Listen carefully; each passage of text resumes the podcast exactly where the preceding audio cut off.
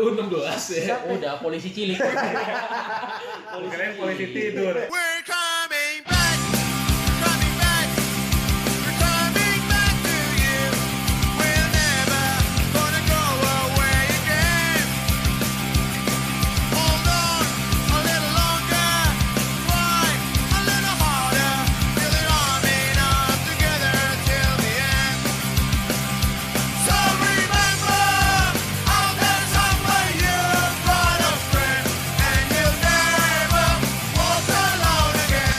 Halo Jackmania atau anak-anak Jakarta Kembali lagi bersama podcast Jack Cascus episode 2 Seperti biasa ada tiga orang yang akan menemani gua di sini. Coba bisa disebutin satu-satu abang-abang. Ah, ada gua David di sini sob tenang aja lu gua udah bukan idola Jack Angel jadi lu boleh deh jadi Oh. idola Jack Angel yang lain jomblo, ya. jomblo, jomblo soalnya ya. udah udah nggak ada yang idolin gue Udah soalnya nggak ada ya? Oh, Iya. Pak Morel udah turun. Nah, terus eh, yang kedua ada Upi ya. Halo Eh, semuanya. editor juga nih, editor kita sekaligus yang lebih ke bahas secara logis ya. Karena lu pengacara jadi Waduh. logis banget ya, Pi ya. Ya semampunya aja. Mampunya ya. Yang terakhir ada Ben Joyce. Ya, halo bro. Eh, gimana Bang? Apa kabar? Eh, tab mention lo gimana? Wah banyak banget kemarin ya gara-gara apa dia? Ah, tau lah. Gara-gara apa tuh? Lupa gua ayo. pokoknya. Lupa lah saking banyaknya. Saking banyak ya Iya. tab mentionnya rame. Langsung Dari- aja add Ben Joyce ya. Dan ini episode kedua kita ya. Ya. Eh, karena kita kemarin episode 1 udah bahas tentang pertandingan sebelumnya Persija lawan Perserui. Seru. Seru. Perseru dan kita lanjutin dengan Madura dan alhamdulillah kita kemarin menang 3 Iya. poin Yoi. Tiga poin. Ya. Nah, kita Semuanya kayak kalau kemarin kita sempat memprediksi ya dapat satu poin aja Satu syukur tapi alhamdulillah lebih dari ekspektasi kita ya. itu kan prediksi realistis sebenarnya ya kan gue bilang menang bonus berarti kita dapat bonus tuh kemarin di Madura ya. Iya oke. Oke, kita bahas Madura itu segmen Sama 1. aja dulu Satu nih. ya. Segmen 1 kita bahas Madura. Eh, terus yang segmen 2 kita akan bahas yang lagi hot banget ini sesuai dengan eh, judul podcast kita yaitu kita akhirnya setelah kita bahas kemarin Persija yang mengalah kepada bapak kita itu PSSI. Waduh, padahal Persija Bapak anak kita. papa. Lah kan anak papa kita. Gimana sih? kita Akhirnya mundur lagi pertandingannya. Iya, Gila, ya kan gila. kita anak harus Iya. mengalah kepada bapak. Padahal Oke, kita oke. kemarin udah ngomong ya menyayangkan banget kalau emang harus pertandingan Persija ditunda kan Iya, ya. nih. Ya kita kan gini, udah ditunda kita juga yang disalahin. Way, by the way, kalau misalnya anak bapak di mana-mana bapak ngasih anaknya kali. Enggak, anak yang harus ngalah. Aduh. Selanjutnya ada apa lagi, Rak? Selanjutnya kita akan ngebahas yang lebih seru lagi yaitu eh, Persija U16. Wih, lagi bagus Dan- kan itu ya? Iya, Persija U16 dan Persija U19 sebenarnya lebih ke eh, apa ya eh, regenerasi dari pemain-pemain Jakarta dan ini nanti kita bahas Ya, sistemnya. Mungkin banyak yang belum paham juga sistem eh, kompetisi U16 dan U19 itu seperti apa Iya, iya, gitu. iya. Dan Sip. nanti kita tutup terakhir dengan update kasus dari almarhum Haringga yang udah menjalani sidang pertama hari ini.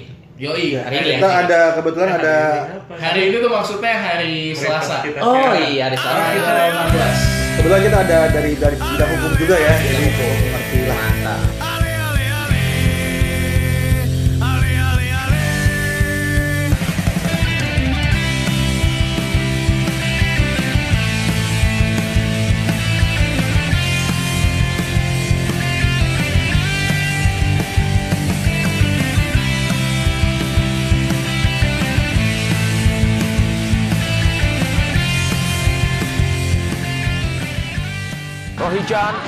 Lagi bola kepada Jamie Da Silva. Jamie Da Silva muncul ada Rico Simanjuntak. Wow!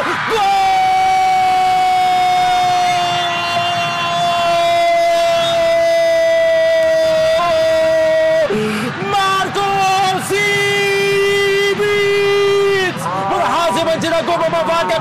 Si kancil Rico Simanjuntak 2-1 Madura United tertinggal untuk Persija Jakarta dalam partai besar Gojek Liga 1 bersama Bukalapak di malam hari ini. Nah, lihat sendiri kan, akhirnya Simic menjawab keraguan kita kemarin dengan tidak mencetak gol eh, dengan set play gitu ya, maksudnya Iya. dengan build up permainan yang ciamik gitu. Ala-ala apa namanya eh, agak-agak set play juga cuman ternyata golnya itu eh, memecah kebentuan dia gitu. Iya.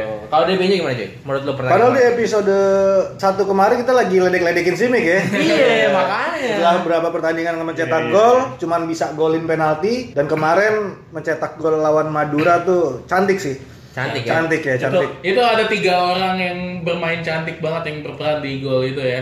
Iya. Mulai Dari yang pertama tuh umpan dari Jamerson disambut oleh Rico Ya. dan langsung dihajar sama Dia Simic. mirip golnya RW di lawan Perserui, kayak Mirip gitu. ya. Mirip. Iya mirip-mirip ya, cuman sekali ini Simi kayak eksekusi. Iyo, gue sih ngeliatnya lebih kayak eh, apa ya visi mainnya Jamie yang benar-benar ngelihat ke ujung ada Rico yang di kos posisi kosong dan benar-benar tuh crossingnya tuh benar-benar pas banget ya kan Rico lari Iya. crossing crossingnya juga nggak ketinggian biasanya yang udah-udah nih pemain Indonesia sepeda nih, kebalik, hampir setengah, pala, setengah kebalik. kan? Iya. Setengah kebalik Setengah kebalik. Tapi kalau kita lihat eh, Simic secara 90 menit mainnya sih masih biasa aja. Dia cuman se- eh, seingat gua peluang dia pertama dia nge-shoot dari jauh. Iya, itu Akhirnya. juga bagus tuh. Itu bagus. Terarah sih. Cuman eh, terarah dan cuman satu itu doang ya. Hmm. Nah, di babak kedua itu akhir pertandingan itu ada satu momen di mana Rico counter attack 3 lawan 2 Terus kalau nggak salah ya, kalau nggak salah itu ada yang masuk siapa gitu. Dia Simic tuh dapat momen di mana dia harusnya mencetak gol kedua dan killing game gitu. Maksudnya Iya. kalau lu udah dapat gol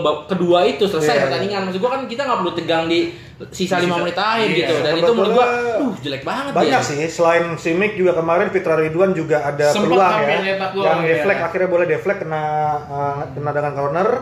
Rico juga ada ya, tinggal beberapa sama back juga gocek-gocek, lepas juga bolanya. Ya sebetulnya Persija secara permainan kemarin bagus, apalagi backnya. Wih, Iya. itu 8 pemain Itu loh. Gitu. Kredit kredit banget sih untuk backnya Persija ya. kemarin di episode 1 kan kita udah uh, kritisin banget ya soal defense-nya Teko Iya. ya tapi Iya. Pertandingan kemarin tuh benar-benar starting line up gue lihat posisinya jadi 4-4-2 Jamie dijadiin back kanan itu benar-benar dipersiapkan banget Iya sih itu buat- Jamie bek kanan sih keren sih. Itu Kita kan prediksi apa ya? Iya. Iya, apa? Nah, Gak taunya Jamie. Jamie. Gue suka tuh Jamie di kanan, tapi Momen- deg-degan lihat GDC di tengah-tengah. iya, karena nggak ada Jamie di tengah. Eh tapi lo jangan salah, GDC tiap dia main itu hampir Persija pasti menang. Iya. Tapi Dan gua- clean sheet loh. gue menyoroti justru kehadiran Osa Saha yang ada nggak ada di lapangan. Kalau lu main 4-4-2 dengan striker uh, second striker di belakang Simic yang harusnya menjemput bola gitu. Hmm. Karena gini, kita punya dua gelandang yang memang didesain bukan buat bertahan gitu. Rohit sama Ramdhani ya. Iya. Nah, maksud gua dua ini keteteran gila lu lawannya Zarahan, Selam Pentul Cahyo, terus ada satu lagi siapa no uh, Asep Berlian. Itu tiga-tiganya mampus mainnya keren banget. Emang Bagus, gue bagus, setuju mainnya keren bagus, gitu bagus maksudnya. Dan itu keteteran karena mereka dua orang di tengah gitu Iya. dan akhirnya baru masuk Astri Akbar itu emang buat defense babak kedua menurut gue itu ngerubah sisi bermain yang tadinya agak nyerang jadi bertahan dan akhirnya mengandalkan counter attack gitu. Nah, eh, kalau menurut kalian gimana nih? Eh, lini depan Persija sebenarnya peluangnya nggak terlalu banyak, cuman di akhir-akhir mereka mendapatkan beberapa momen yang harusnya dimanfaatkan Iya. selain bola yang menjadi gol ya gitu. Tapi eh, sesuai prediksi kita bertahannya bagus. Nah, terus kalian Sahar Ginanjar gimana penampilannya? Kalau dari gue sih ngeliatnya ya, di awal uh, Teko udah mem- memainkan 4-4-2 itu, itu uh, skema permainannya tuh kayak, oke gue bertahan aja sambil cari kesempatan untuk counter attack, gitu kan. Dan terbukti akhirnya kita nyetak gol duluan. Ketika kita nyetak gol duluan, baru kita ngerubah posisi untuk main benar-benar bertahan, Oke. masukin Astri Akbar. Untuk nggak gelandang bertahan kita nggak punya Iya, gelandang akhirnya bertahan dipakai bertahan. Nah, tapi Iya. kalau kalau menurut lu gimana Joy? Sahar Joy. Gila keren Sahar menurut Sahar bagus, bagus, bagus banget menurut gue. Tenang ya, tenang tenang banget. banget gitu. Dia, gue melihat dia lebih banyak belajar mungkin dari cara gerakannya Andri Tani ya. Hmm. Ya gue membandingin sama Andri Tani karena Andri Tani salah satu skipper hebat yang dimiliki di Indonesia. Nah itu dia menurut gue sih banyak gerakan-gerakan yang lebih mirip ke Andri Tani, Iya. yaitu bagus buat perkembangannya dia ke depan. Jadi sebenarnya yang kita permasalahkan dulu adalah lapisan di bawah Tani kan terlalu jauh ya. Iya. Hmm. Akhirnya di awal musim kita dari Yono dan Rizky Darmawan menurut gue levelnya jauh gitu dan kita kedatangan Sahar yang memang levelnya alhamdulillah tidak terlalu jauh dari Andri Tani meskipun masih di bawah Andri Tani gitu. Masih ya. di bawah tapi dia Cuman- the next Andri Tani lah. Iya ya. level ketenangannya Sahar ini oke ya dan juga dia kan anak Ciputat ya kalau nggak salah. ya? Tahu. Legoso, Legoso, rumahnya di Legoso. Oh, Bener kan ya? Bener. Bener emang anak Ciputat. nggak bule dong. Dia aslinya kan Purwakarta, Ah. tapi dia punya rumah di Ciputat. Ciputat. Tuh, anak-anak Ciputat nih, anak-anak OST ya kan. Iya emang Sahara. bener soalnya teman gue ada juga yang pernah nge-gym bareng dia. Hmm. Jadi kayak teman nge-gymnya tau ih jadi kiper Persija Dia katanya. nggak ikut nge-gym. Ya kagak lah bang. Badannya Sahar kan gede gitu. Way, Sahar umurnya berapa ya? Oh, gue nggak tahu deh. Dia lebih tua atau lebih muda sih? Ya dari gua Dari- sih lebih muda yang jelas. Kalau sama gue sih ya lebih lebih muda gue, ya kan gue 19 tahun. 19 tahun dari mana lu? tapi tapi, Eh, tapi- ya, kita perlu ada sedikit koreksi sih buat Sahar. Kemarin dia sekali gagal untuk nangkep bola ya. Iya, iya. Ya itulah Udah, karena udah, udah. Serangan bertubi-tubi kemarin kan. Dan kita dibantu juga sama nggak tahu kenapa ya, Greg kalau lawan Persija kayaknya setengah hati ya. Itu kan seperti kita bahas tiba-tiba cedera maksud gua. Lu kenapa tiba-tiba maksud gua nggak ada gua nggak ada gangguan, nggak ada apa tiba-tiba cedera. Banyak sebenarnya dia peluang kemarin, teman. Ya itu kayak tendangan bebas dia lebih milih ngenain ke pagar gitu kan. Ya nggak tahu benar atau enggak, cuman kita menghargai milih- profesionalitasnya dia juga. Lebih pilih salah jatuh nggak sih? Iya. Lebih pilih salah Salah jatuh. jatuh kayak salah jatuh aman kan. Apalagi yang mau kita bahas? Udah lah ya. Maksudnya eh, kemarin menurut gua eh, kesimpulannya po- eh, tiga poin yang kita dapatkan eh, beruntung kita punya kiper Sahar dan nyata dia umurnya 27 tahun. 27 Wah, tahun. Bagus, bagus. Jadi untuk kiper masih muda untuk kiper ya Iya, gitu. Jadi masih, masih muda. ada 3 sampai 4 tahun di Persija kalau dia masih di Persija dan menurut gua wajib untuk dipertahankan karena Andi Tani harus punya pelapis yang sepadan juga sama dia gitu kan. Iya. Nah, eh Sahar bertampil bagus, 4 back juga bagus. eh, dan mungkin kemarin bolongnya itu di Anan justru ya seperti kita prediksi Iya. Anan bolong capek Banyak banget ya akhirnya track back balik lagi track back akhirnya orang masuk di babak kedua juga nggak menolong juga sebenarnya jadi memang itu PR buat Teko menemukan back kiri yang sepadan untuk menggantikan Bule selama dia cedera tapi lini penyerangan seperti prediksi kita juga Simic dan Rico yang masih menjadi tulang punggung gitu Iya. Tapi emang saat tongkrongan sih bagus banget lah. Tapi un- untuk Anan nih gue mau bahas Anan dikit nih. Itu dia di mainin starter udah tiga kali ya. Dan terakhir lawan Madura dengan uh, kondisi striker Madura yang gempurannya tuh wah banget lah. Gila ngeri banget striker Madura. Tapi dengan dia ngejaga sisi kiri sih, gue rasa coba kalau lu perhatiin kemarin tuh serangannya justru malah dari sisi kanan kita nih, Jamie nih yang digempur terus nih. Nah si Anan nih malah nggak digempur gitu. Nah berarti kan pelatih Madura ngelihat Anan nih bisa matiin striker depannya Madura. Ya itu aja sih kondisi fisik karena dia masih muda, Masih muda, lebih ya. ditekanin lagi. Semoga pelatih fisik ya Bang Yogi gitu kan udah bisa bisa ningkatin ningkatin fisiknya Anan lah. Itu prospek sih uh, untuk Anan ke di depan. Persija ya oh, Menjaga terahnya keluarga Lestaluhu di Persija, Persija ya. ya Dan menjaga uh, kalau Persija tuh beberapa musim terakhir, beberapa tahun terakhir selalu punya back kiri bagus. Back kiri.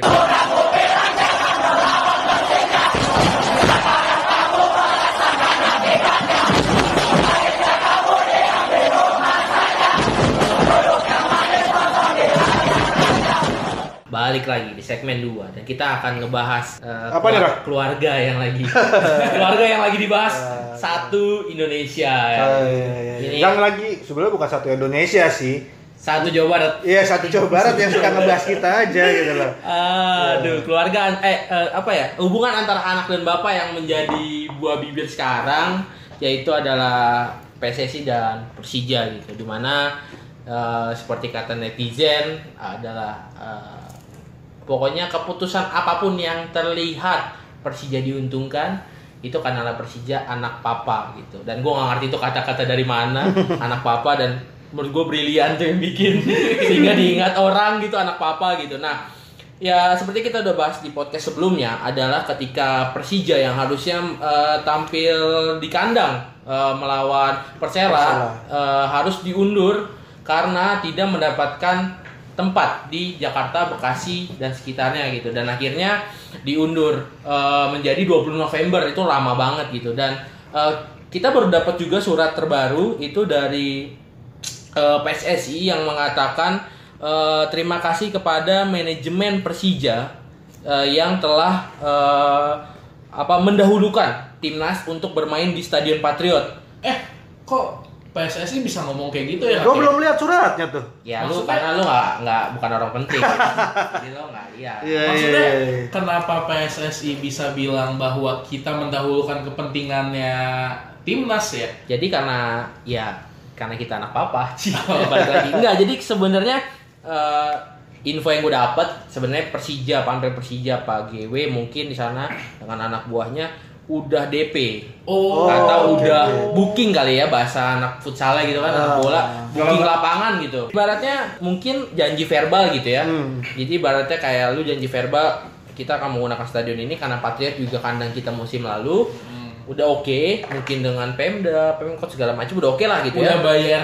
Mungkin udah bayar, gua ngerti. ya, mungkin ya, mungkin udah bayar gitu. Cuman yang pasti udah dikondisikan lah. udah ya, dikondisikan karena memang kita nggak dapat tempat lain gitu. Apalagi kemarin match terakhir lawan Peseru dapat pujian dari Kapolres Bekasi ya. Aman. Aman, semua Gitu. aman gitu. Nah, eh, sebenarnya kalau ngomong-ngomong kita nggak dapat tempat lain sih kita bisa aja dapat tempat lain. Kita masih bisa dapat di Bantul, kita masih bisa dapat di Wamena, di Serui Ya, gitu. Serui kan Kan bisa. kejauhan, kejauhan. Mau Jangan main di dong. Myanmar juga kita bisa Iya, aja ke Thailand Myanmar gitu juga. kan. Jauhan dong gitu. Nah, di sini yang gue soroti sebenarnya ya tadi gue bilang gitu. Akhirnya kita mengalah karena menurut gue eh, timnas juga apa nama nomor satu lah di Indonesia gitu. Kepentingan timnas nomor satu dan akhirnya eh, Pak Gede menyerahkan eh, agenda ini balik ke PT LIB gitu. Iya. Eh terserah deh PT LIB. Gue udah ngusain Patriot ternyata disela. Ya PT LIB gimana bereaksi? PTLB siapa sih? Ya PT LIB kurang tahu sih. Saya nggak berani ngomong deh. Ya kita kita menyinyirin diri kita sendiri aja. Iya. Kita nggak ada apa-apa. Iya. Kalau mereka kan mau anak papa Nggak usah bahas-bahas PT LIB deh. Nah kalau PT LIB bilang Tapi LB netral. netral ya. Netral, netral. Dan dia bilang akhirnya harus ditunda. Oh. Gitu. Karena eh, tidak memungkinkan main di Patriot gitu. Hmm. Kak, ya kalau kata anak Jakarta sih kenapa ditunda kan Persija lagi on fire. Itu Iya. dia. Karena kalau misalnya kita me, apa ya merunutkan dengan cocok logi ya nggak akan ada sisanya gitu. Kayak menurut gue emang ini jadwalnya nggak pas aja. Karena sebenarnya kalau kita mau ngomong siapa yang dirugikan ya di sini kondisinya adalah Persija dirugikan karena eh, jeda waktu matchnya jadi terlalu jauh ya. Yoi. Nah setelah pertandingan ini kita akan main melawan Persipura. Sipura. Nah. Away ya. Woi. Gue sih lebih menyoroti uh, dirugikan dirugikan banget karena jadwal di 20 November itu gue habis ngeliat jadwal nih ya. Kita tanggal 10 November di bulan November tuh kita ada berapa? Ada 1 2 3 4 kali main di luar jadwal lawan Persela. Oke. Berarti di bulan November itu setelah tambah tambah lawan Persela Lima. kita lima kali main. Buset. Dan itu lagi kejar-kejaran title, Nah, bener itu nggak? lagi jalan title. Nah, gini, eh, apa ya? Kita bulan November, gue bahas di deket-deket tanggal 20-nya aja ya. Jadi tanggal 16 November itu kita away ke Makassar. 16 kita away ke Makassar. 16 kita away ke Makassar, 20 home. 20 home lawan Persela. Oke. Tanggal 24 itu kita home lawan Sriwijaya. Buset. Lo bayangin 16 ke 24 itu kita tiga kali main. masalahnya yang dilawan SM sama Sriwijaya, Nah, Bos. itu. Ini Itu kan. makanya gue agak gue bilang gue sedikit kecewa dengan hasil ini gitu kan. Iya, iya. Yang sebel- yang dibahas kita bahas di episode pertama kemarin gue bahas gue agak menyayangkan di luar faktor momentum bertanding tim Ya. ya kan. Ditambah lagi jadwal padat yang akhirnya menunggu nanti di 20 November itu dan itu Hmm. benar-benar harus ya Jadi Persija dibikin juara apa enggak nih, Pak? Iya, enggak Nggak bukan gitu, apa-apa. Pak. Gini, walaupun Persija dirugikan, kesimpulannya adalah undur-undur FC. Iya, Iya. kita kan udah undur-undur FC, anak papa FC. Nggak apa-apa lah kita. Nggak apa-apa. Nah, kalau kalau gue ngeliatnya gini ya, kalau si Persija diundur ini bener kata David, lebih ke schedule dan schedule ini mundur itu kan bukan di, berarti bukan berarti tidak bermain, akan bermain di belakang. Dan di Bukan belakang itu diuntungkan juga ya. Iya gitu maksud gua di belakang itu kita ada puluhan apa eh, belasan match yang menunggu nih sekarang. Belum Piala Indonesia. Betul, Bener betul. Ini kita baru tahu jadwalnya. Belum AFF. Bisa jadi Rico dipanggil, gua nggak tahu. Bisa Iya, jadi iya. Andri Tani dipanggil gitu. Maksud gua banyak faktor yang eh, sebenarnya Persija sebenarnya nggak diuntungkan di sini gitu. Apalagi sekarang lagi on fire. Kita jeda 9 hari. Itu lama, Bos. sama. Dan itu turun sebetulnya lagi gitu. kalau bicara soal mundur memundur jadwal, ini udah jadi kebiasaan PSSI sebetulnya. Di mana yang jadi korbannya sebetulnya adalah Persija lebih banyak karena masalah stadion kan. Iya. Nah, kalau kita bicara masalah mundur memundur jadwal, makin lama makin dipelihara yang seperti itu, lama-lama ya secara bisnis itu merugikan sebetulnya. Betul. Gitu kan? Iya. Sponsor dan lain-lain ada betul. agreement Nah, gua balik lagi. Masih berjanji lah sama Iya. sponsor kurang lebih. Gue balik lagi ngom kalau ngomongin bisnis ya. Kenapa sih kita disebut undur-undur FC? Itu sebenarnya juga ngaruh ke bisnis akhirnya kan. Awalnya kan kita main di tanggal berapa tuh lawan Persib Bandung kan yang main di harusnya main di GBK. Eh 28 ya kalau Pokoknya sebelum 1 Mei ya. Sebelum Iya, 1 Mei. Karena Nah, kita kita mau- ngajuin jadwal tanggal 3 Mei. Hmm. Kita ngajuin jadwal tanggal 3 Mei untuk lawan Persib Bandung Iya. supaya bisa main di GBK gitu. Tapi kan dari sananya emang yang nggak mau Dari sana tuh mana yang jelas dong? Dari- ya dari tim lawan kita Oh, lah. Oh, bukan dari LIB ya? Bukan. Tapi sebetulnya mau main di Jakarta apa nggak mau main di Jakarta? nggak tahu pokoknya intinya tanggal 3 tanggal 3 itu Baru terkuat. kita harusnya main di GBK Pak GW udah menyarankan Oke. udah uh, rapat dengan pengelola GBK ya kan ya udah kita pakai tanggal 3 tapi tim lawan Nggak mau. nggak mau. dan LIB nggak mau makanya kenapa sih disebut undur-undur FC aslinya kita mau main loh dengan kondisi Iya, kata iya. dia tuh kita nggak punya pemain Hmm. itu kita mau main tanggal tiga gitu. Gua baru tahu Nah, tuh. itu jadi jadi kan akhirnya kita main di PT IKA yang penontonnya cuma dikit, sponsor kan ngaruh juga. Jadi anak papa itu gitu. siapa? Jadi nggak papa. tahu nih makanya Oke, nih. Kita aja balik deh, lagi kita ke aja deh. besok lawan Persela ya. Sebetulnya ya itu tadi Persija kan udah lagi on fire ya. Jadi sangat berpengaruh ya ke tim ini ya kalau diundur-undur lagi. Iya. ya. Gitu. Dan Keren. yang yang menarik sini sebenarnya ya yang mungkin akan diupload sama tim media Persija ya bentar lagi gitu. Jadi eh, surat dari Ratu Tisha ini memang agak aneh juga ya maksudnya ucapan terima kasih gitu. Maksudnya eh, berarti mereka nggak enak banget. Justru gitu. menimbulkan konflik menurut gua justru menimbulkan Menimbulkan bahasan Iya, gitu. gitu. Maksud gua makin-makin aja Gini. anak papa. Iya gini, jadi PSSI pengennya supporter damai, ya kan? Setidaknya tidak ada apa namanya gesekan. Tapi dia mengeluarkan surat-surat ini yang justru jadi bahan, Bahan bulian iya buat anak gitu. Lu Jakarta. ngapain ngerilis Makanya, kayak gini gitu. makanya kan kita di sini bilang eh, apa ya? Yang dirugikan tuh sebenarnya kita. Iya. gitu.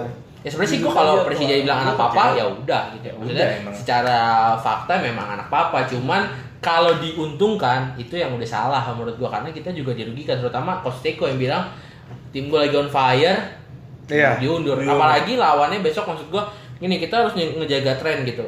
Kalau kita lawan Persela nggak diundur kan enak kita bisa mungkin menang lawan Persela dan kita ke apa ke. Jayapura gitu juga enak bawanya gitu kita udah Iya. berturut-turut menang gitu nah Persipura ini kan nggak pernah gampang gitu kan lawan Persipura di sana nggak pernah gampang gitu jadi bahaya sih menurut gua nanti kita bahas di podcast selanjutnya mungkin pertandingan lawan Persipura gitu tapi ini eh, menurut gua eh, menjaga apa ya ritme 9 hari ini mungkin nggak tahu Coach Tiko mungkin harus uji coba harus tes fisik lagi karena 9 hari ini dengan nggak ada tensi pertandingan itu sangat berbahaya menurut gua dengan momen yang lagi bagus gitu Iya, gue sih berharapnya nanti akhir kan ya sebagai ganti lawan Persela ada uji coba lah entah di mana mau tertutup mau terbuka paling enggak ada uji coba supaya uh, ritme bertandingnya pemain ini ada Iya. gitu. Ya paling enggak uji coba juga nggak jangan yang ecek-ecek nih Liga 2 ada yang Iya. ada yang ribut nggak sih? Persika lah. Persika. Iya. yang punya sama iya Eh, nanti dibilang lagi.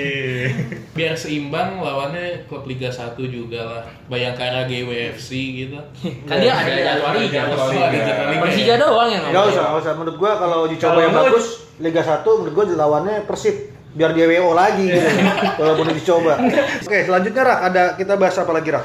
Oke, menurut gua udah cukup kita tadi ngebahas tentang eh, match Persija dan Persela yang udah fix ya Gitu, diundur menjadi tanggal 20 November yang tadi David juga bahas itu merugikan secara jadwal Persija nanti mungkin mungkin ya mungkin al- eh, apa amin gitu kita akan berada di peringkat satu atau dua gitu. Angkat Jadi- pialanya berarti di mana? di Bali. Oh di Bali. Oke. Amin, ya. Amin, Amin, amin, amin, amin. amin. Tapi ya paling nggak masuk AFC udah alhamdulillah sih gua Iya. dengan kondisi kita masih musafir juara menurut gue jauh cuman paling nggak kita berada di AFC jadi tahun depan kita away days lagi, lagi.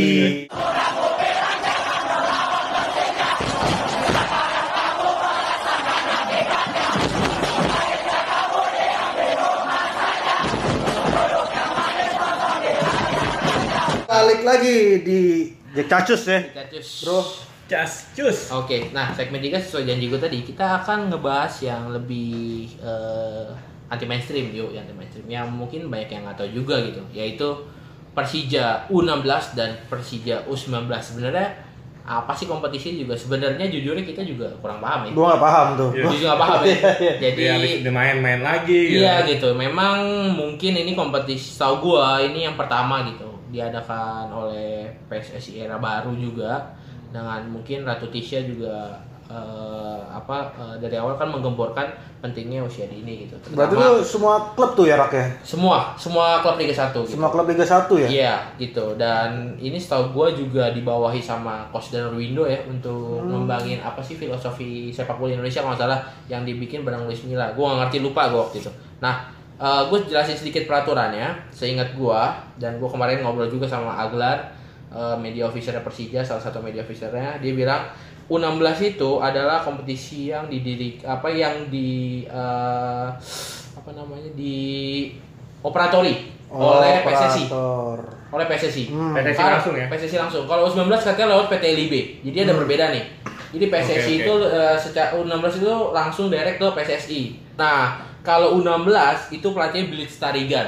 Hmm. Mungkin sering dengar juga. Pelatih Pelatihnya Persija. Ya. Iya, Blitz Tarigan. Oh. Nah, U19 itu pelatihnya Sudirman. Hmm, Nah, oke oke. eh, dua orang ini memang eh, dulu katanya asistennya Bendol, zaman Bendol mungkin Iya. lupa juga ya udah lama juga gitu. Gua belum jadi dijek tuh. Nah, masih, Masih jadi apa? komando apa? Ya, Pelita Jaya. komandos. Komandos.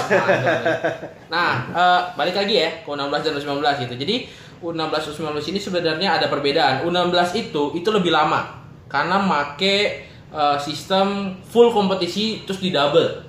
Ngerti gak? Jadi Oh, oke oke. eh, satu 18 tim? 18 tim itu dibagi tiga. Oke. Satu grup itu 6 Enam tim. Jadi ada grup A, grup B, grup C. Kayak ya. Liga 2 dong. Eh, gua iya kayaknya. Eh Liga 3, Liga Liga 3 2, ya. Liga 3. Iya, Kita Iya, Liga iya. 2, Liga 2 kan kebagi timur barat. Ya Liga 3 lebih lebih Lebih- lebih Liga lagi, 3 lebih banyak kecil lagi Jadi kan. uh, bahasanya wilayah ya, wilayah Iya. satu, wilayah dua, wilayah tiga gitu. Nah wilayah dua ini itu ada Persija, ini U16 ya, Iya. Persija, Arema, Bali, Barito, Persela, Madura. Dan setahu gua pembagian grupnya ini emang drawing ya, bukan lokasi, Oh gambar. Bukan. Drawingnya beda bos. Iya iya iya. Jadi Kocok, kocok, kocok. Kocok. oke. Dikocok. Nah, Kocok. Kocok. jadi U16 ini eh, berarti 6 tim ya. Nah 6 tim ini full kompetisi gitu, ketemu dua kali. Pertama, ya terus ketemu lagi dua kali, jadi empat kali. Hah? Jadi Pertama dalam kita satu musim ketemu empat kali. Empat kali. Buset. Nggak bosen, jadi, bosen ya? Jadi gini kan, misalkan Persija lawan Arema. Oh iya. Home. Persija lawan Arema. Misalkan kayak kemarin yang terakhir nih kita lawan Arema kan. Pertama menang hari Sabtu menang 3-0, hari Minggu seri satu sama. Ya. Itu di mana di Eh, home away. Jadi Home away. eh, jadi kita home dulu. Nah, itu yang masih gue bingung. Jadi kita setahu gua home dulu Persija. Entah di mana stadionnya lah ya. gitu. Iya, kalau Persija biasanya di Parung di Iya, lapangan PSSI. Nah, nanti putaran 34 Arema. Kita di Oh, Arema dua kali main. dua kali main empat. juga. Kan kemarin udah dua kali, Iya. nanti di Arema dua kali lagi nih. Jadi Iya. empat kali. Persija tadi di mana? Lapangan PSSI ya. Kok bisa? Itu punya papa kan? Nah itu eh, sistem itu gue masih kurang paham juga ya. Intinya pokoknya mereka itu pokoknya satu musim bermain 20 kali. Hmm. Karena di total satu satu klub itu ketemu dengan eh, satu klub itu ada empat pertandingan dikali lima klub.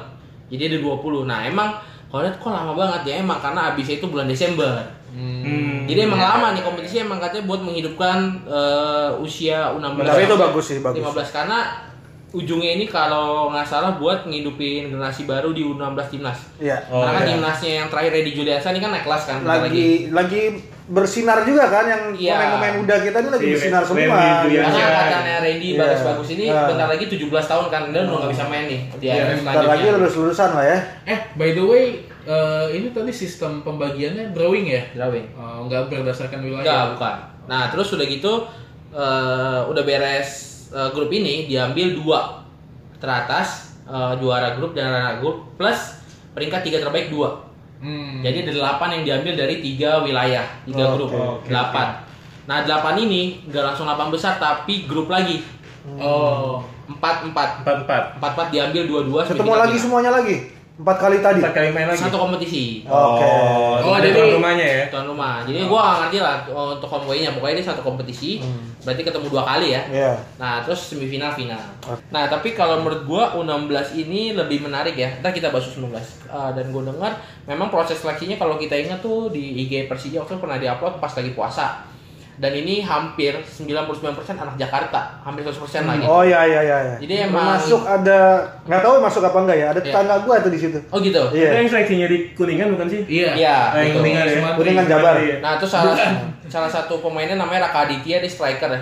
Raka. Namanya sama kayak gua. Iya, iya, iya. Tapi emang jago beneran. Jadi dia salah satu ujung tombak gua nggak ngerti ya. Dia anak mana belum kita cari tahu juga. Jadi eh, dia biasanya keluar di skor gitu Raka Aditya gitu dan mungkin eh, mungkin di- bisa naik kelas nanti gitu. Dan U16 ini yang menarik ya itu gue bilang tadi, hampir 100% anak Jakarta berarti anak Jakarta di umur SMP kelas 3 dan SMA kelas 1 ini memang Yang jiwa-jiwanya Iya ya. gitu menurut gua anak-anaknya yang gila gue main di Persija nah itu yang Iya, mesti- itu kebanggaan lah. Kebanggaan ya. Kebanggaan sampai dia tua pun dia walaupun nanti karirnya yang ada yang tahu ya kayak Iya. seperti apa tapi dengan main di pemain junior Persija itu pasti ya bangga banget. Bangga. lah. Berapa sih?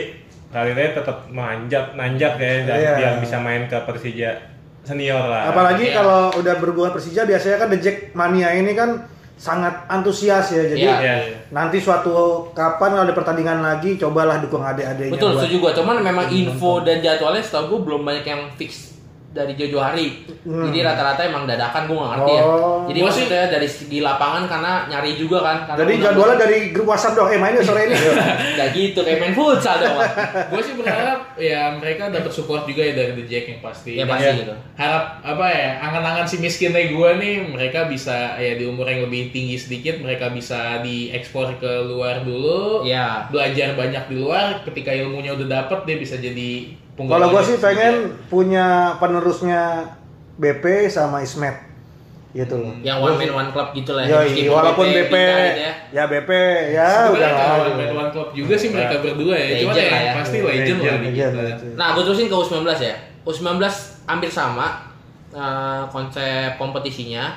Bedanya adalah kalau tadi dia full kompetisi dikali dua, ini cuma sekali. Hmm. Jadi full kompetisinya itu eh, cuma dua kali ketemu sama lawan yang sama. Dan sistemnya pooling ya di dan satu sistemnya tempat. iya dan eh, ho- ho- apa namanya home turnamen namanya. Home Jadi turnamen. satu putaran di satu kota. Oke. Jadi ini kalau nggak salah udah satu putaran udah kelar. Hmm. Terus eh, nanti putaran dua di kota berikutnya. Nah terus yang diambil juga sama dua teratas plus tiga, dua terbaiknya peringkat tiga. Nah terus naik lagi 8 dibagi dua lagi semifinal final. Tapi abisnya lebih cepat dibanding eh, U16 karena memang pertandingannya lebih sedikit. Nah perbedaan klasmennya yang jelas di sini U16 peringkat satu di sini. Mungkin ya semoga aja terus lah ya peringkat satu dan U19 sekarang peringkat tiga ya Peringkat Mereka tiga infonya sih. gitu ya di, di atasnya siapa Di atasnya itu PSIS sama Bayangkara. beda berapa poin sih Bayangkara. Uh, peringkat satu Bayangkara lah ya. 12. Bayangkara udah ada yang pemain Bayangkara. ada U16 ya. udah polisi cilik Keren polisi tidur. Enggak, kan? tapi kita uh, putaran pertama kemarin main di Medan ya. Nah, untuk putaran duanya di di Palembang. Palembang. Main di Palembang. oh ya Jadi buat teman-teman Jack Palembang kali ya. ada Palembang nonton lah Nonton lah, tipis-tipis ya. tipis-tipis. dan eh, U16 tau gue mainnya weekend doang karena di kontrak pemainnya itu harus sekolah gitu Oke, berarti Oh. sekolahnya bebas lah ya. maksudnya Maksudnya sekolahnya bebas di SMP SMA mana? oh iya gitu. bebas bebas mungkin Oke. jadwal latihan juga setelah pulang sekolah gitu cuman memang U16 ini memang Harus lo wajib sekolah bukan SSB doang maksudnya bukan kayak rabunan sekolah rabunan Ah. gitu enggak jadi SMA mana aja makanya dimaininnya di Sabtu dan Nih Minggu. buat adik-adik U16 bersekolah lah yang rajin ya. Yoi. Biar jangan kayak kita-kita. Emang kita kenapa ya, lo doang kali bang? Nah tapi eh, menarik di sini ya gitu ya. U19 itu juga mayoritas anak Jakarta tapi ada beberapa yang dari luar juga. Gua tahu ada beberapa yang memang udah beberapa kali dipakai Teko kayak Amar, siapa lagi ada namanya Devi kalau nggak salah Devri ya, ah lupa gue namanya siapa. Terus ada yang udah naik kelas Anan. Anan ini Anan memang Sabu. literally dari U19 musim ini dari awal terus naik ke senior karena mungkin mengisi pos bule yang ditinggalkan yang emang kosong gitu. Nah, gue Iya. pengen tahu nih soal naik kelas nih Rak ya. Hmm. Kalau di Indonesia ada batasan umur untuk pemain muda nggak sih? Misalkan kalau di Eropa kan 17 tahun baru baru boleh main profesional gitu kan? Setahu gua itu emang Anan dari awal emang didaftarin. Jadi Oh. kalau Indonesia kayak gitu.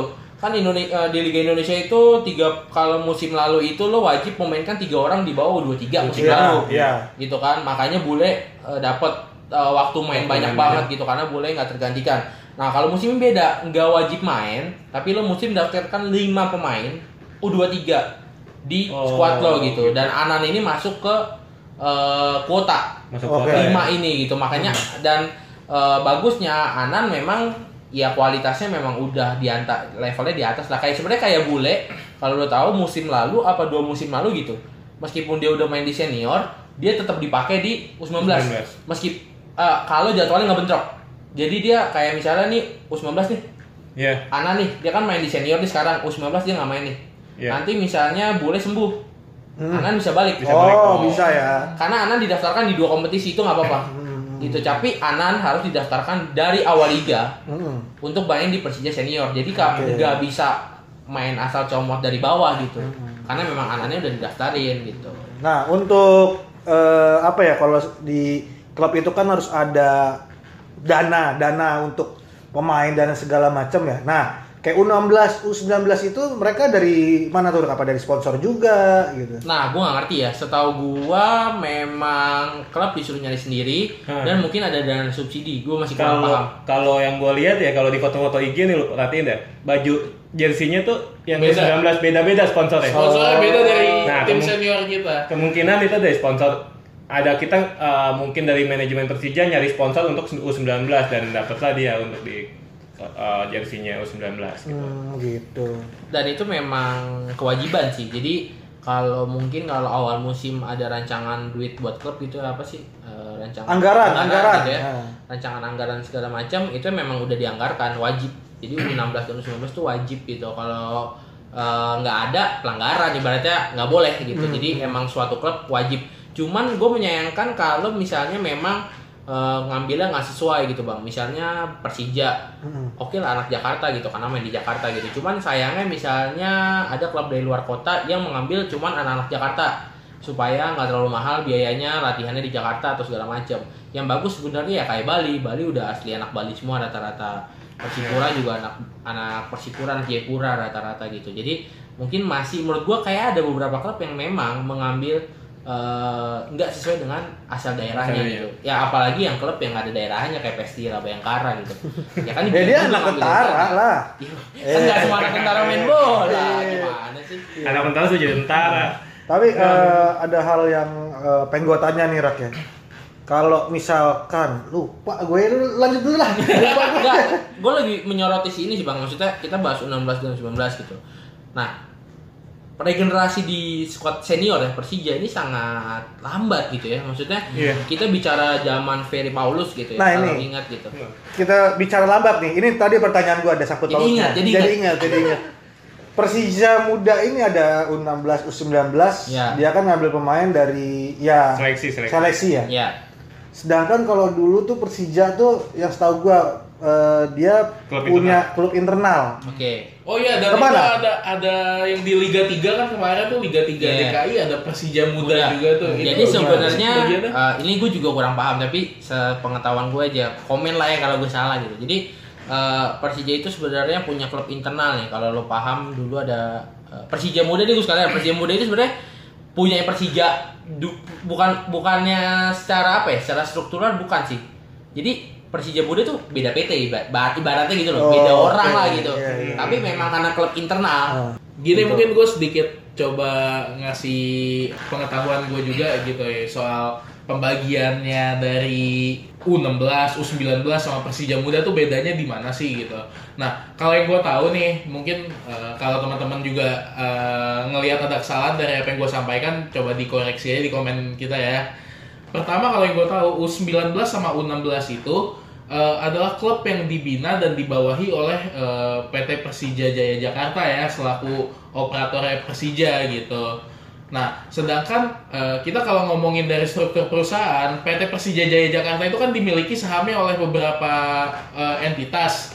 Yaitu yang kalau yang kita tahu yang dan udah tersebar di mana-mana itu ada pertama Persija Indonesia Hebat, Jakarta Indonesia Hebat, sama Yayasan Persija Muda.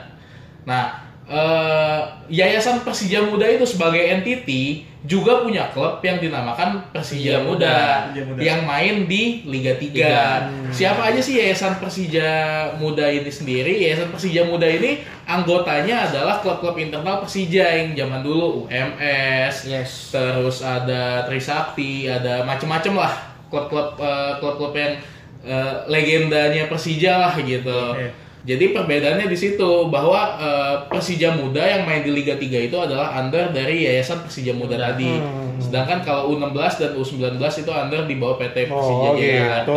Berarti eh, mungkin gue bisa ngundang lagi dari 1928 lah atau Abidin Insight itu Nah, kan boleh itu setuju setuju. Jadi itu teman gue lah jadi bisa Agak- kita iya, iya, iya, agak iya. agak gimana gitu agak makanya ini banyak yang uh, mungkin agak salah Iya. salah pengertian ya Salah tipis-tipis lah ya. tipis-tipis lah ya cuman Terus bagi sih gue ya intinya nama Persijanya itu Iya, sendiri sih yang makanya betul. yang dibawa bagi uh, anak-anak Jakarta lebih oke ada lu bawa Persija ya gue dukung gitu Iya. kayak Iya. Persija futsal gitu waktu itu kan di- akhirnya kita didukung juga sama anak-anak The Jack gitu kayak ada lagunya kan masa bodoh dengan manajemen.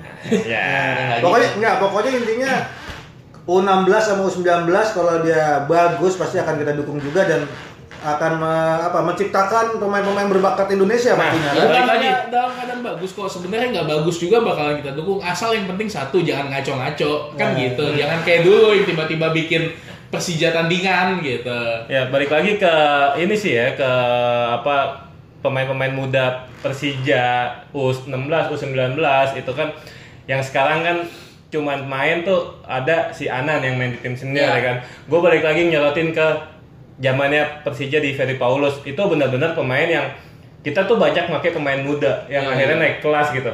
Setuju. Dulu kita punya Delton, punya Reja Gamal. Adisti, Rudy Bogel di proses berikutnya Syaroni, Syahroni. Bener gak sih? Itu iya, iya, terus bener. sebelah kiri ada Syahriza. Syahriza, Syahriza. Syahrin, Bukan. Bukan. Enggak, tapi itu sih yang gue lihat adalah ketika zaman FP, oke kita kesulitan secara finansial. Yes. Kesulitan secara finansial. Tapi kenapa tim itu bisa bertahan? Itu salah satunya disupport sama pemain-pemain muda yang benar-benar bagus gitu. Betul sih. Jadi Ferry Paulus tuh benar-benar bisa nyiptain pemain ya.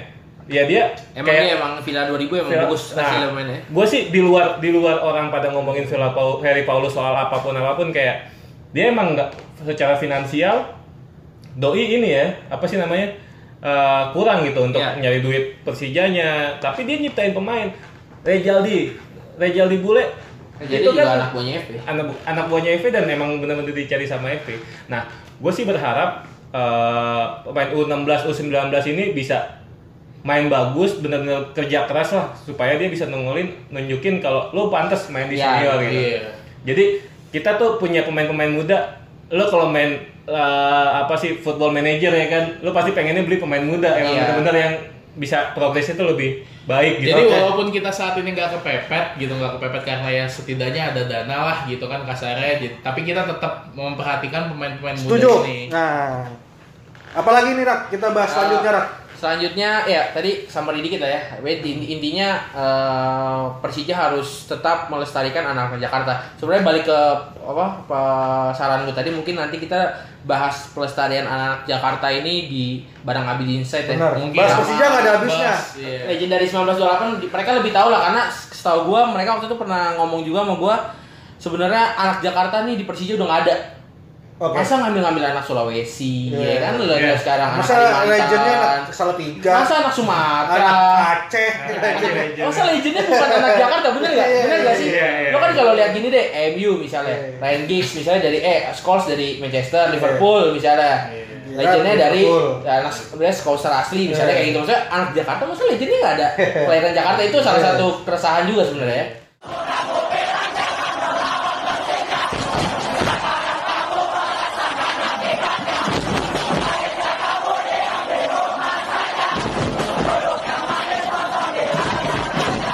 Oke Jack, Cih, Jack banget ya. Banget. Oke Jakarta, yoi lebih ini ya lebih modern. Oh, Oke, sob, nah, selatan. Eh itu itu kata-kata ya, gue, oke. Joy. Oke sob. Oke Jack, iya. Ya udahlah. Oke Jack dong dia. Which is which is. Jadi kita udah di segmen terakhir di podcast episode 2 kali ini lebih nyantai, lebih nggak menggebu-gebu lah ya, santai gitu dan kita akan membahas uh, sesuatu yang justru sensitif nih gitu. Jadi di segmen terakhir kita akan ngebahas uh, kasus almarhum Haringga Sirila Sirla yang udah uh, mencapai di ternyata udah sidang pertama ya. Udah sidang pertama. Nah, jadi kita sekaligus ada kabit hukum Nggak kabit hukum, bukan. Oh, Anggota bukan. aja. Anggota. Oh bukan kabit ya Allah. Iya. Padahal prestasinya ini ya. Deh. Wow gitu. Ayo udah pernah masuk media lah paling enggak ya. Bidang hukum eh, bidang hukum Jackmania yaitu Gazi Lutfi. Yo, padahal dari tadi ada. Padahal dari tadi ada yang disambut. Padahal host juga. Tadi ngoceh. Tadi tadi ngoceh. Oke, Pi, eh, sebenarnya eh, yang perlu diedukasi adalah apa namanya sebenarnya sudah sejauh apa kasus Haringga Sirila ini? Mungkin banyak DJ yang nggak tahu juga dan eh, lebih ke prosesnya sih. Karena kita nggak kurang paham secara sidang dan hukum dan lain-lain. Oke, jadi yang paling pertama kan kalau dari eh, semua apa ya eh, info yang beredar gitu ataupun misalnya ya, lu gue yakin lah kebanyakan dari kita udah sempat nonton video yang sangat tidak berperik kemanusiaan itu sendiri dari video itu kan kita bisa lihat bahwa penganiayanya almarhum Haringga itu sendiri kan nggak cuman satu dua orang, nggak cuman 20 orang bahkan gitu kan. Kita bisa ngeliat itu jumlahnya banyak banget, bahkan mungkin bisa ratusan kali yang ada di situ gitu. Termasuk juga yang menganiaya gitu. Nah, eh, dari sekian banyak orang yang melakukan tindakan tersebut eh, dari kepolisian Bandung sendiri, Polrestabes Bandung eh, sudah melakukan penyidikan dan sudah ditahan sebanyak kurang lebih gue lupa detailnya berapa sekitar 20 orang kurang lebih 20 orang lah yang Banyak juga ya? Termasuk yang anak kecil itu. Ada. termasuk yang dua orang anak di bawah umur Yang anak kecil kagak lah.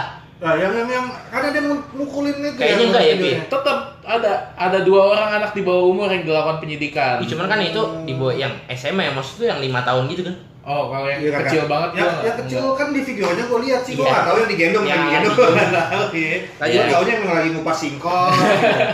Ya, yang pasti sih dari eh, sekitar 20 orang itu prosesnya sendiri sekarang udah masuk ke tahap penyidikan. Jadi kan awalnya kalau misalnya kita ngomongin proses tindak pidana itu seperti apa sih gitu.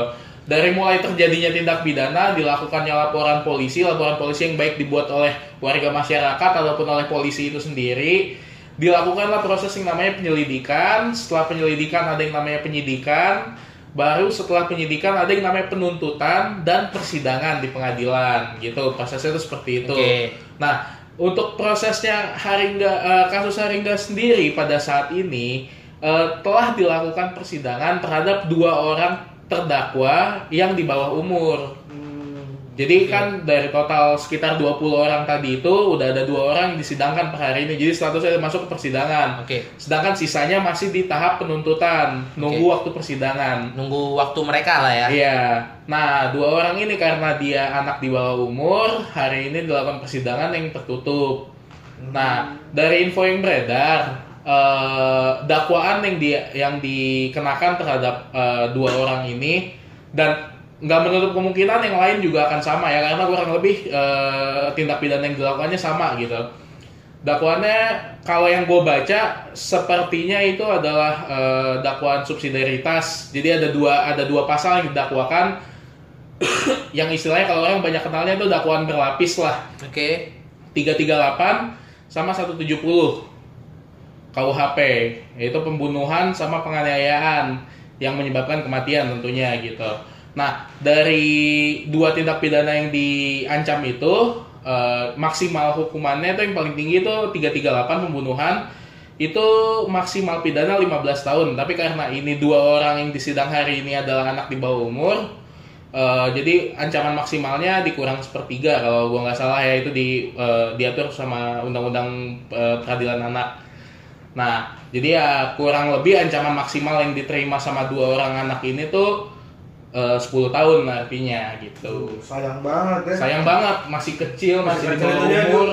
itu juga ya masukan sih buat pendengar semua The Jack Mania, bos kolektor lain lah di Indonesia ini.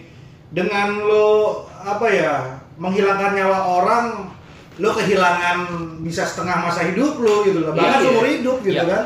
Itu tuh ya harus kita hindari lah kalau kayak gitu. Lo jadi nggak bisa menikmati menikmati apa namanya ya? Masa muda, Masa muda. Ah, nggak bisa bandel. Least yang dua orang ini tadi kan dia di bawah umur. Kalau Oke. berdasarkan undang-undang perlindungan, eh sorry undang-undang eh, peradilan anak, Ah. ya kualifikasi di bawah umur itu kalau gua nggak salah tuh di bawah 16 tahun. Oke. Artinya di bawah 16 tahun, let's say dia dapat nggak maksimal lah, let's say dia dapat 8 tahun eh, putusan hakim eh, yang berkekuatan hukum tetap. 8 tahun lu bayangin 16 tahun tambah 8 tahun. 24. Udah 24 tahun dia baru bisa ngeliat dia kehilangan waktu tuh masa-masa dari 16 sampai Iya. 18 tahun gila eh sampai ke 24 tahun gila Apalagi di umur umur segitu kan lagi sekolah, sekolah juga dibayarin orang tua, Iya. orang tua kan pengen anak kuliah ya. Ya. Itulah ya. Ba- banyak Gua- faktor yang apa ya, yang eh, sangat merugikan buat diri sendiri. sih. Benar. Iya. Dan kalau kalau lain. update sedikit soal yang sebelum-sebelumnya kan sebelumnya juga sempat ada tuh ya kasus-kasus pembunuhan terhadap The Jack. Salah satu contohnya kasus yang di Cikarang eh, atas nama korbannya itu almarhum eh, Rizal Yanwar. Itu juga eh, terpidananya dihukum di tingkat pertama itu gua nggak tahu apakah dilakukan upaya hukum apa itu udah berkekuatan hukum tetap saat ini itu dipidana 18 tahun gila lu bayangin 18 tahun lu di penjara keluar keluar lu udah mungkin teknologi aja udah beda gitu dari ketika lu masuk ke Dan itu Piala. setahu gua juga masih remaja ya itu uh, pelakunya ya. Masih muda, masih muda, cuman Masih nggak muda ya? nggak Nggak di bawah umur ya? umur. Iya, iya Nah, masih remaja umur mungkin 20-an ya. Iya, sekitaran Set segitu. 18 tahun, taruhlah 20, 38, udah punya anak harusnya. Makanya. Gua umur segitu lagi ngapain ya? Lo lagi Cerita ini lain cerita nih. Ntar malam baru kita cerita berdua ya. Oke, jadi eh, itu sedikit yang bisa kita gambarkan sekarang karena proses eh, hukum dari kasus almarhum Haringga masih berjalan nih Pi ya. Jadi Betul. eh, masih panjang dan eh, harapan gua sebenarnya apa pun atau eh, keputusan dari hakim berarti ya Betul. dari hakim nantinya. nantinya itu akan memberikan efek jerah ke semua seluruh supporter Indonesia termasuk buat anak-anak Jakarta juga Iya. terutama gitu. Iya. Jadi Jadi bukan hanya untuk tetangga doang, Yes, tapi gitu. jadi pelajaran untuk kita juga. Jangan sampai kita yang jadi seperti mereka. Karena menurut gua eh, meskipun mereka yang membu- membunuh gitu ya dalam arti beneran gitu mereka yang membunuh bisa jadi kita juga membunuh kadang lewat jempol Iya, kadang iya, lewat betul. lewat omongan menurut Betul. gua membunuh itu bukan cuma lewat tangan yang lu pukul ke korban gitu Iya, iya. tapi membunuh itu juga lewat jempol tuh sangat sangat sangat bisa gitu lu Iya. mau nyulut emosi orang lu bikin info hoax dan segala macam Lagi adem-adem, terus jempol lu iseng, akhirnya panas lagi. Panas ya lagi, kan? gitu. Gitu, apalagi sekarang udah ada undang-undang ini ya ITE ya, Iya. itu sebetulnya udah bisa dijerat hukum sebetulnya. Iya. Bukti-buktinya ba- banyak gitu. Beberapa hari yang lalu kan juga dari Infocom juga udah sempat nge-share tuh kerja sama sama Bitkum soal eh, kita juga udah sempat ngasih pengetahuan mengenai apa sih yang tindakan dilarang di dalam undang-undang ITE termasuk salah satunya adalah ujaran kebencian dan eh, pencemaran nama baik maupun yang eh, konten asusila. Nah itu ya maka dari itulah kita berharap semua pendengar kita dan semua The Jack, semua yang suka Persija ya kita hindarin lah perbuatan-perbuatan yang melanggar hukum gitu jangan Supporter sampai- Indonesia sih. supporter Indonesia ya betul Tapi khususnya sih lebih ke supporter Persija ya kan. Ingat lu menebar segala kebaikan tanpa menunjukkan kebencian. Ini. Pasti hasil-hasil baik Oke. akan lo dapetin. dia. Ini yang bonek dengar kayaknya. Ini. Oh, gitu. ini yang bonek denger di Jogja nih ini duta perdamaian kita nih di Oke. Jogja nih. Eh, kayaknya kita udah terlalu bijak dan harus gua akhiri ya. Lama-lama jadi bapak-bapak semua kita kan. Aduh, oke. Eh, itu dia tadi Pak lagi gue bilang apa namanya update dari kasus Haringga di akan menutup eh, episode 2 dari Jack Cactus kali ini. Mungkin nanti ya kalau ada update lagi akan kita bikin Iya. di episode Episode selanjutnya kita update lagi, kita update lagi gitu. Karena harus kita kawal gitu Iya, ya, iya. se apa namanya info dari kasus Haringga ini. Dan eh, terima kasih buat yang udah ngedengerin sejauh ini mungkin. Eh, ya ada yang bosen, ada yang nge-skip. Cuman eh, kalau misalnya pengen dukung terus eh, apresiasi atau apa ya eh, keluh kesah atau keresahan lah ya dari anak-anak kita bahas apa gitu. Iya gitu silakan share, komen, like ataupun mention Jekaskus kalian kira-kira Min bahas ini atau Bang bahas ini Bang gitu. Di Twitter eh, at Jack underscore Kaskus atau di IG at Jack Kaskus double K ya. Double K. Jack Kaskus, Jack Kaskus. Oke. Eh, Jack underscore kaskus ya. Karena ada dua nih bang nih. Jack kaskus yang nggak pakai underscore sama Dulu ke hack. Oh, dulu ke hack. jadi Jack underscore Kaskus ya. Oke itu dia eh, kita closing aja episode 2 kali ini. Terima kasih yang udah dengerin sampai ujung ini. Gua Raka, Gua Devi. Gue Benjoy. gua Upi kita dari Jack Kaskus cabut. The Jack.